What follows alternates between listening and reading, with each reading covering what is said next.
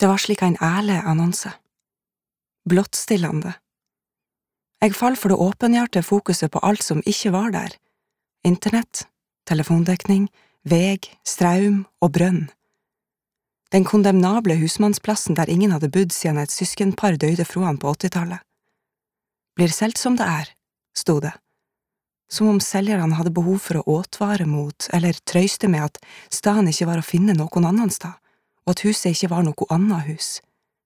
Kommunen hadde strammet dramatisk inn på buplikta, og ingen av de andre interessentene ville love å bli fastboende. Jeg liker å tenke at jeg redda staden fra å bli kolonisert av historieløse feriegjester, nå som kapasiteten i de groteske hyttebyene i høgfjellet er sprengt. I kyrkjebøkene fant jeg mange navn knyttet til staden, jeg valgte å tro at jeg ikke hadde havnet der av nau og mangel på bedre alternativ. Jeg fortalte meg sjøl at siden folk hadde bodd på staden uendelig lenge, måtte det være en naturlig stad å bo. Tida var kommet for å ta husmannsplassen i bruk, legge til rette for det moderne behov. Eller, behov og behov. Jeg kunne strengt tatt ha kjøpt meg inn hos Svein.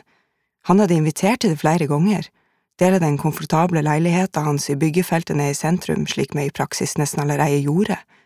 Så ofte hadde vi sittet der og drømt oss bort med TV-program om folk som var ute, folk som hadde stokker, strå, verktøy og dyr i hendene, som gjorde opp eld, dyrka nyttige planter, studerte nære tuer, som levde enkelt, i enkle hus.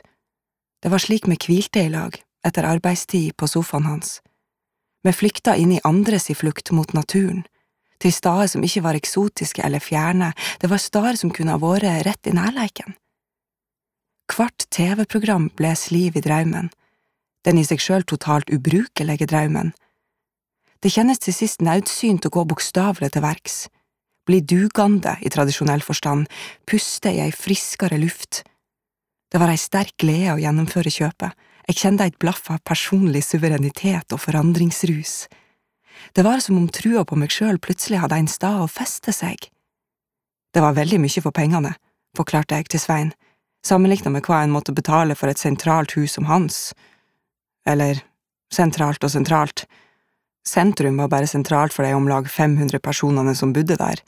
Innbyggertallet i kommunen var lågt og fallende.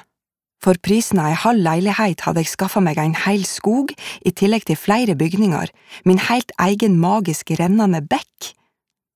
Han tok det ikke personlig, forsto at det var noe jeg måtte. Jeg sa at han nok skulle bli freista til å komme flytende etter, så snart jeg hadde gjort huset meg levelig. Det var så rikelig med plass. Så slapp meg å ligge på sofaen som stranda fisker lengtende etter et annet element, sa jeg. Nevenyttig. Natur. Jeg hadde orda på mi side. Jeg hadde alltid fått han til å forstå meg. Det er vår form for kjærleik.